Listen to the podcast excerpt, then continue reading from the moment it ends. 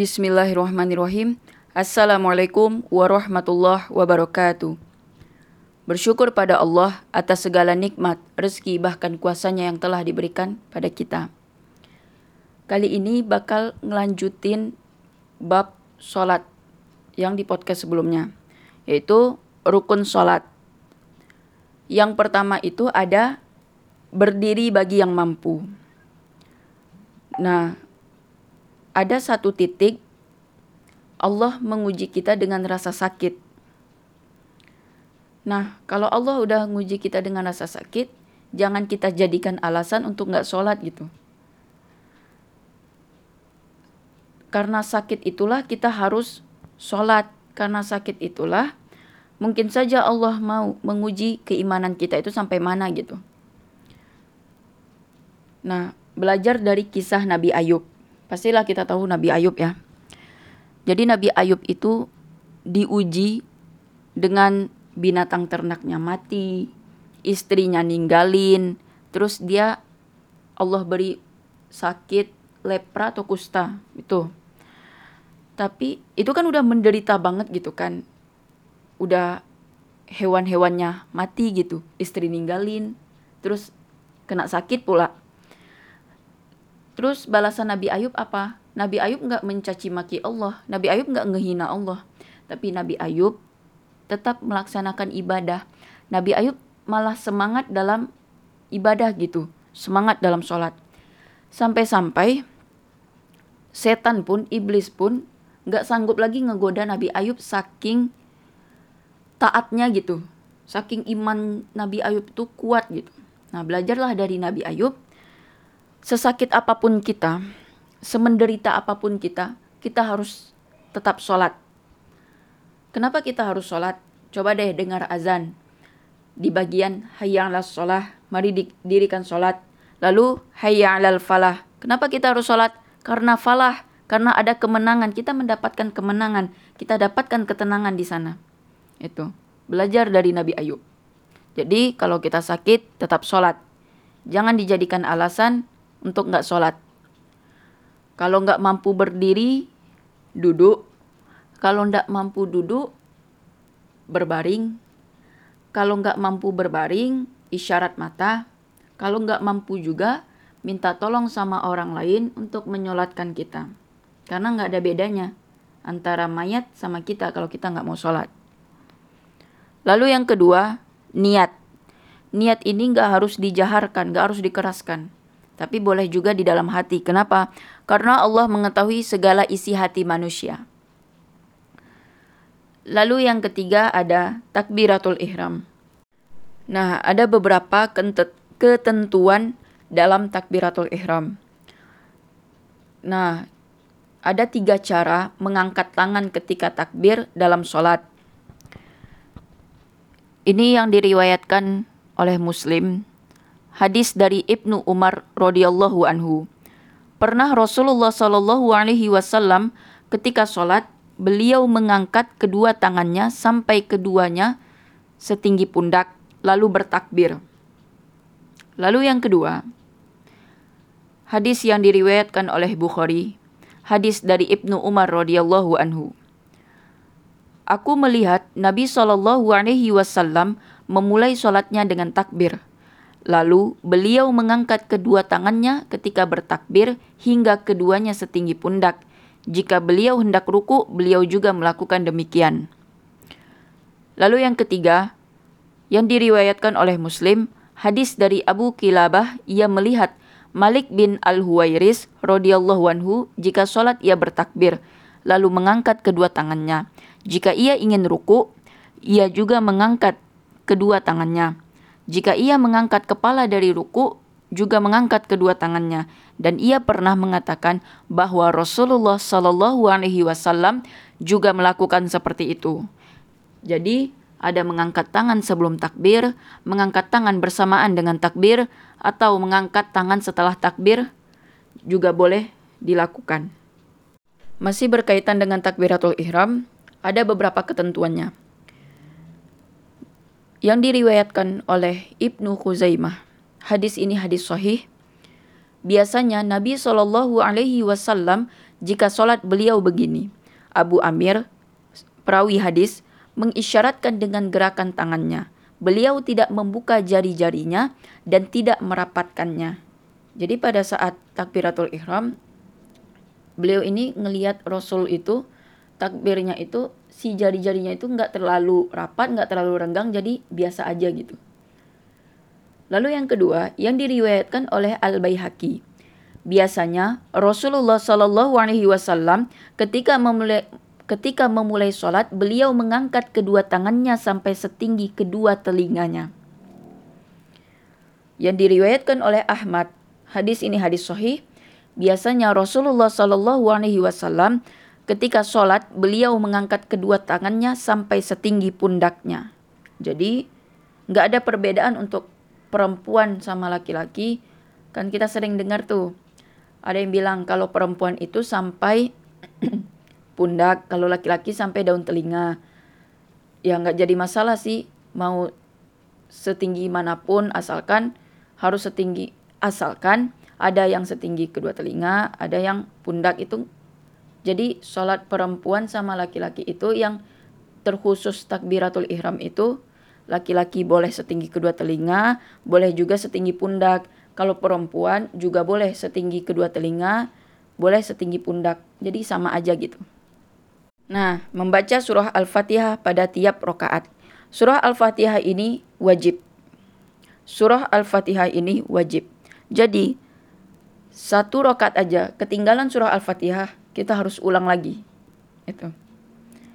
Dan juga pada saat baca surah Al-Fatihah, itu tajwidnya harus benar, dan juga ya ya benar lah gitu bacaan Al-Fatihahnya.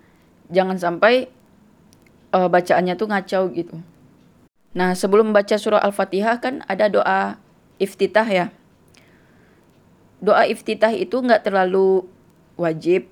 Kalau kita tinggalin juga nggak apa-apa, tapi dianjurkan pakai juga lah doa iftitah gitu. Lalu yang kelima, ada ruku dan tumak nina. Ketentuannya itu yang diriwayatkan oleh Ahmad, hadis ini sahih. Apabila kamu ruku, maka letakkanlah kedua telapak tanganmu pada kedua lututmu, lalu luruskanlah punggungmu dan mantapkanlah rukukmu. Saya ulangi. Apabila kamu ruku, maka letakkanlah kedua telapak tanganmu pada kedua lututmu, lalu luruskanlah punggungmu dan mantapkanlah rukukmu. Lalu yang di lalu yang diriwayat maaf, lalu yang diriwayatkan oleh Abu Daud, hadis ini sahih. Beliau tidak menurunkan kepalanya lebih rendah dari punggung dan tidak juga mengangkatnya lebih tinggi dari punggung. Saya ulangi, beliau tidak menurunkan kepalanya lebih rendah dari punggung dan tidak juga mengangkatnya lebih tinggi dari punggung. Jadi saat kita ruku itu harus sejajar gitu kepala sama punggung kita. Jangan sampai berat sebelah timpang gitu nah.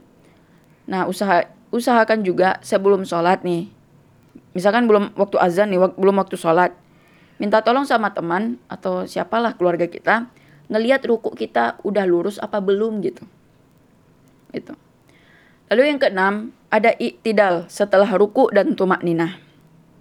Ketentuannya itu yang diriwayatkan oleh Ahmad, hadis ini sahih. Allah tidak akan melihat solat seorang hamba yang tidak menegakkan punggungnya di antara ruku dan sujudnya iktidal.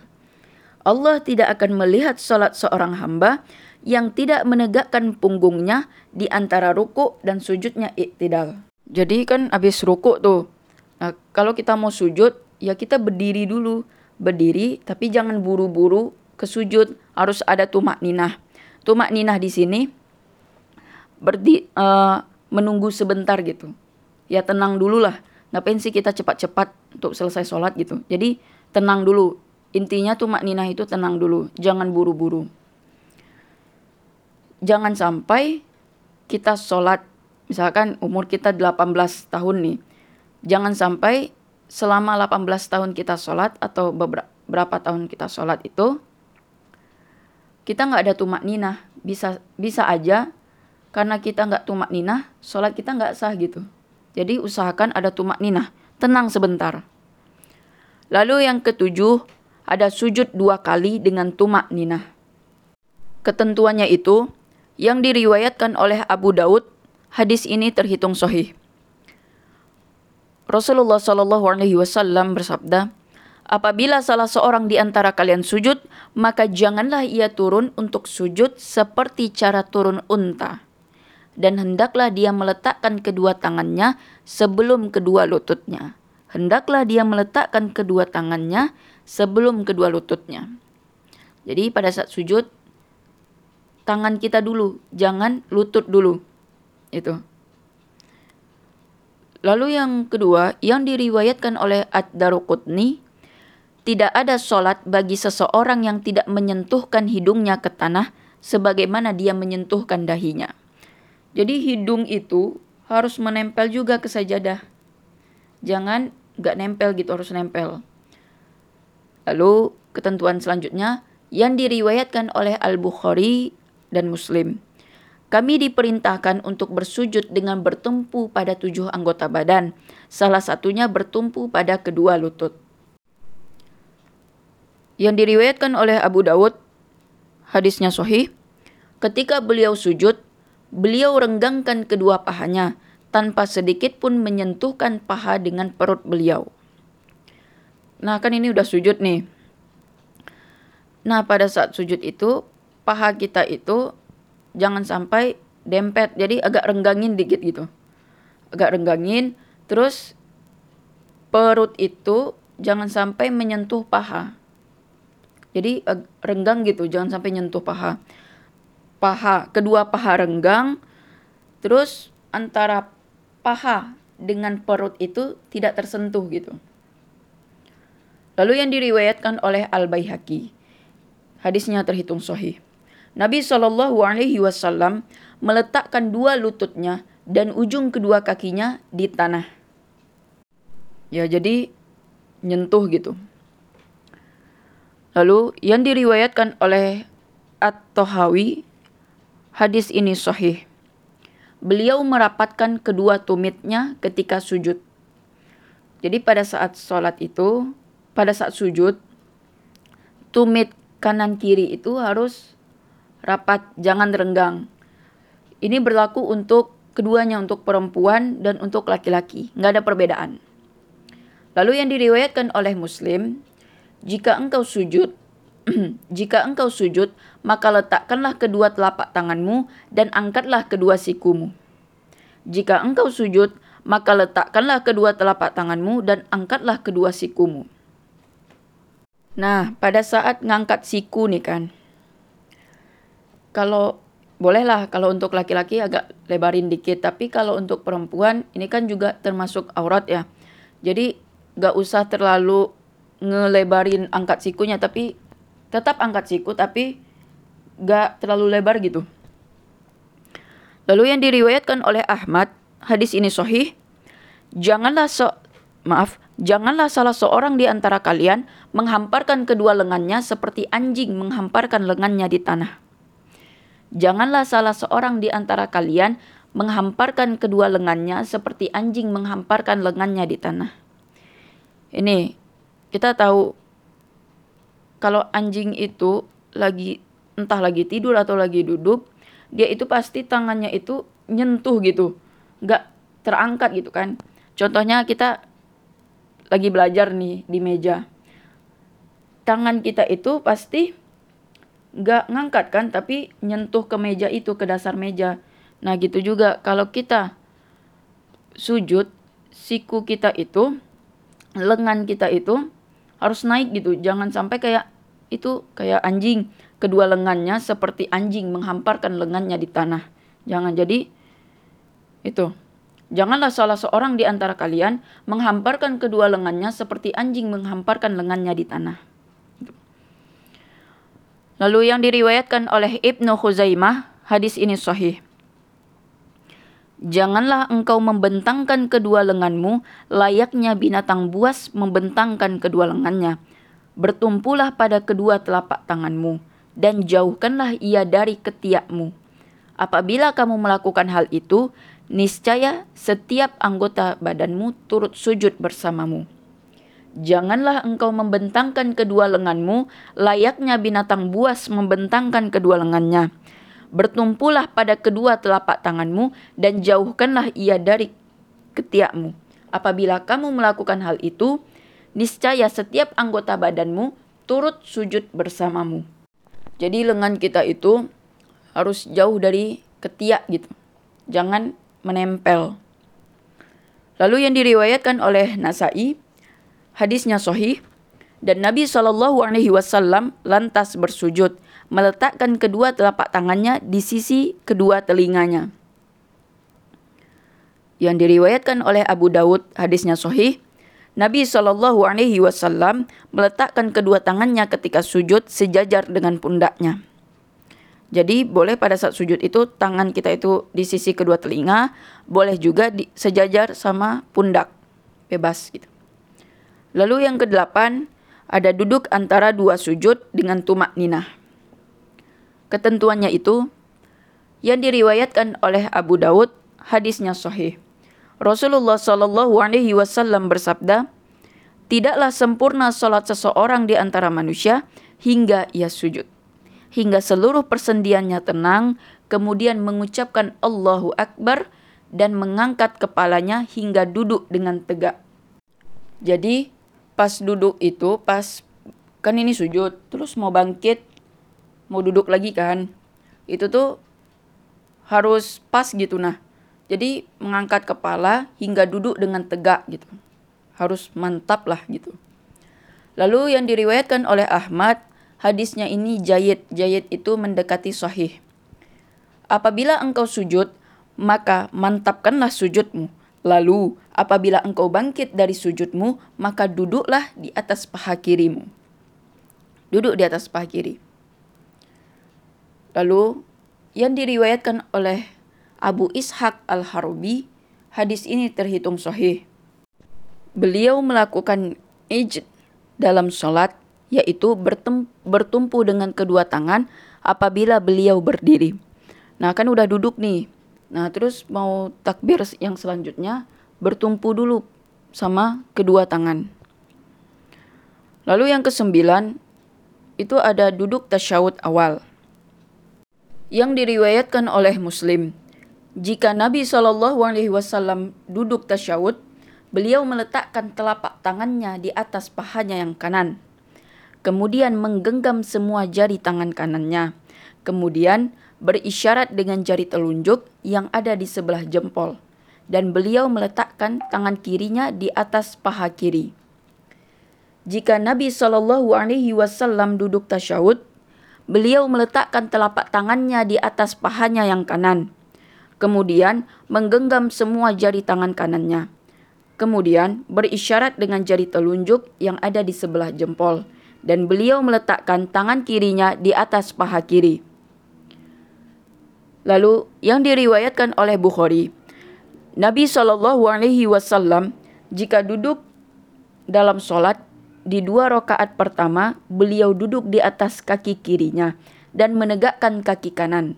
Jika beliau duduk di rakaat terakhir, beliau mengeluarkan kaki kirinya dan menegakkan kaki kanannya dan duduk di atas lantai.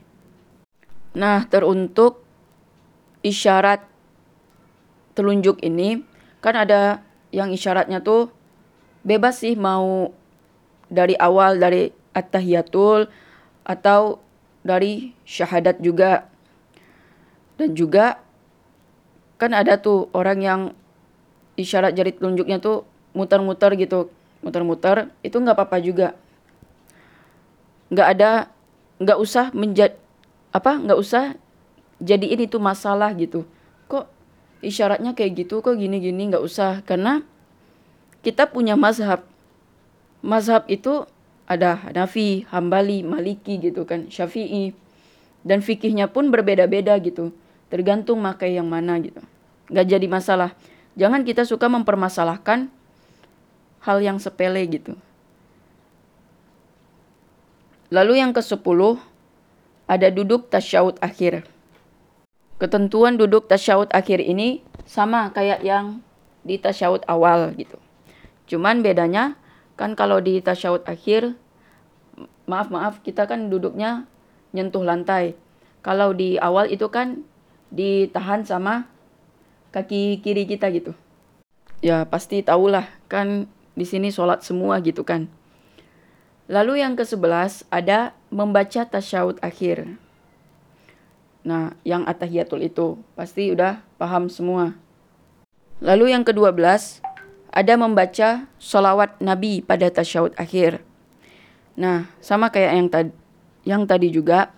Nah, habis kan baca tuh fil alamina innaka hamidum majid. Sehabis itu jangan jangan dulu salam gitu. Tapi baca doa untuk terhindar dari dajjal. Doanya itu Bismillahirrahmanirrahim. Allahumma inni a'udzubika min adzabil qabr wa min adzabi jahannam wa min fitnatil mahya wal mamat wa min syarri fitnatil masihid dajjal. Ya Allah, aku berlindung dari azab kubur, dari azab jahanam, dari fitnah kehidupan dan kematian, dan dari fitnah Al-Masih Ad-Dajjal. Itu harus kita baca dalam sholat kita supaya kita terhindar dari fitnah fitnah dajjal itu. Lalu yang ketiga belas membaca salam yang pertama. Begitupun nanti yang salam kedua. Lalu keempat belas tertib melakukan rukun secara berurutan. Jadi harus berurut gitu. Nah, misalkan nih kan kita ya kayak di Allah eh maaf setan kan suka ngasih was-was gitu kan suka nge ngegoda kita. Nah pastilah kita pada saat sholat suka tuh ini rakaat keberapa ya? Ini rakaat pertama kedua atau keberapa ya? Nah kalau udah kejadiannya seperti itu kita udah nggak tahu lagi boleh aja kita membatalkan sholat dan juga boleh kita melakukan sujud syahwi. Membatalkan di sini mengulang sholatnya. Itu maksud saya yang tadi membatalkan sholat. Nah terus boleh aja kita nggak ngulang sholat lagi, tapi dengan sujud syahwi. Sujud syahwi ini karena lupanya, karena lupa kita ini udah rokaat berapa gitu. Nah, yang diriwayatkan dari Abdullah bin Buhainah dalam hadis riwayat Imam Bukhari dikatakan setelah beliau Rasulullah Shallallahu Alaihi Wasallam menyempurnakan sholatnya, beliau sujud dua kali. Beliau sujud dua kali. Ketika itu beliau bertakbir setiap akan sujud dalam posisi duduk. Beliau lakukan sujud sahwi ini sebelum salam. Saya ulangi. Setelah beliau, Rasulullah Shallallahu Alaihi Wasallam menyempurnakan sholatnya, beliau sujud dua kali. Ketika itu, beliau bertakbir setiap akan sujud. Dalam posisi duduk, beliau lakukan sujud sahwi ini sebelum salam. Menurut Syekh Abdullah Bafadal, cara sujud syahwi dilakukan dengan melakukan dua kali sujud sebelum salam Bila seseorang lupa melakukan sujud sahwi, maka dianjurkan untuk masuk kembali ke dalam sholat dan melakukan sujud sahwi. Sujud sahwi, meski banyak yang dilupakan dalam sholat, tetap dua sujud seperti sujud sholat. Tempat sujud sahwi adalah waktu antara tasyahud akhir dan salam. Kesunahan sujud sahwi luput luput sebab salam secara sengaja. Demikian juga luput bila lupa tetapi jeda setelah salam terlalu lama. Tetapi ketika jeda setelah salam cukup singkat, maka ia melakukan sujud sahwi. Artinya, ia kembali masuk ke dalam sholat. Nah, misalkan udah salam nih, berarti kan udah selesai sholat. Nah, kita ingat tuh, kita zuhurnya masih tiga rakaat kan zuhur empat rakaat Nah, kita masih tiga rakaat. Nah, saat itu juga pas kita ingat, kita harus sujud sahwi, melengkapi yang kurang itu. Bacaan sujud sahwinya, Subhana man la yanamu wa la yashu. Subhana man la yanamu wa la yashu. Maha suci zat yang tidak mungkin tidur dan lupa. Nah, itulah beberapa materi tentang rukun sholat, terus sujud sahwi gitu. Nah, materinya tuh pastilah kalau sholat itu detail banyak, tapi cuman ini yang bisa saya sampaikan. Maaf jika ada kelebihan atau kekurangan kata, sesungguhnya atau kesalahan kalimat, sesungguhnya kelebihan datang dari Allah, kesalahan, kekurangan, kehilafan datangnya dari saya. Undur maqala wala tandur man. Assalamualaikum warahmatullahi wabarakatuh.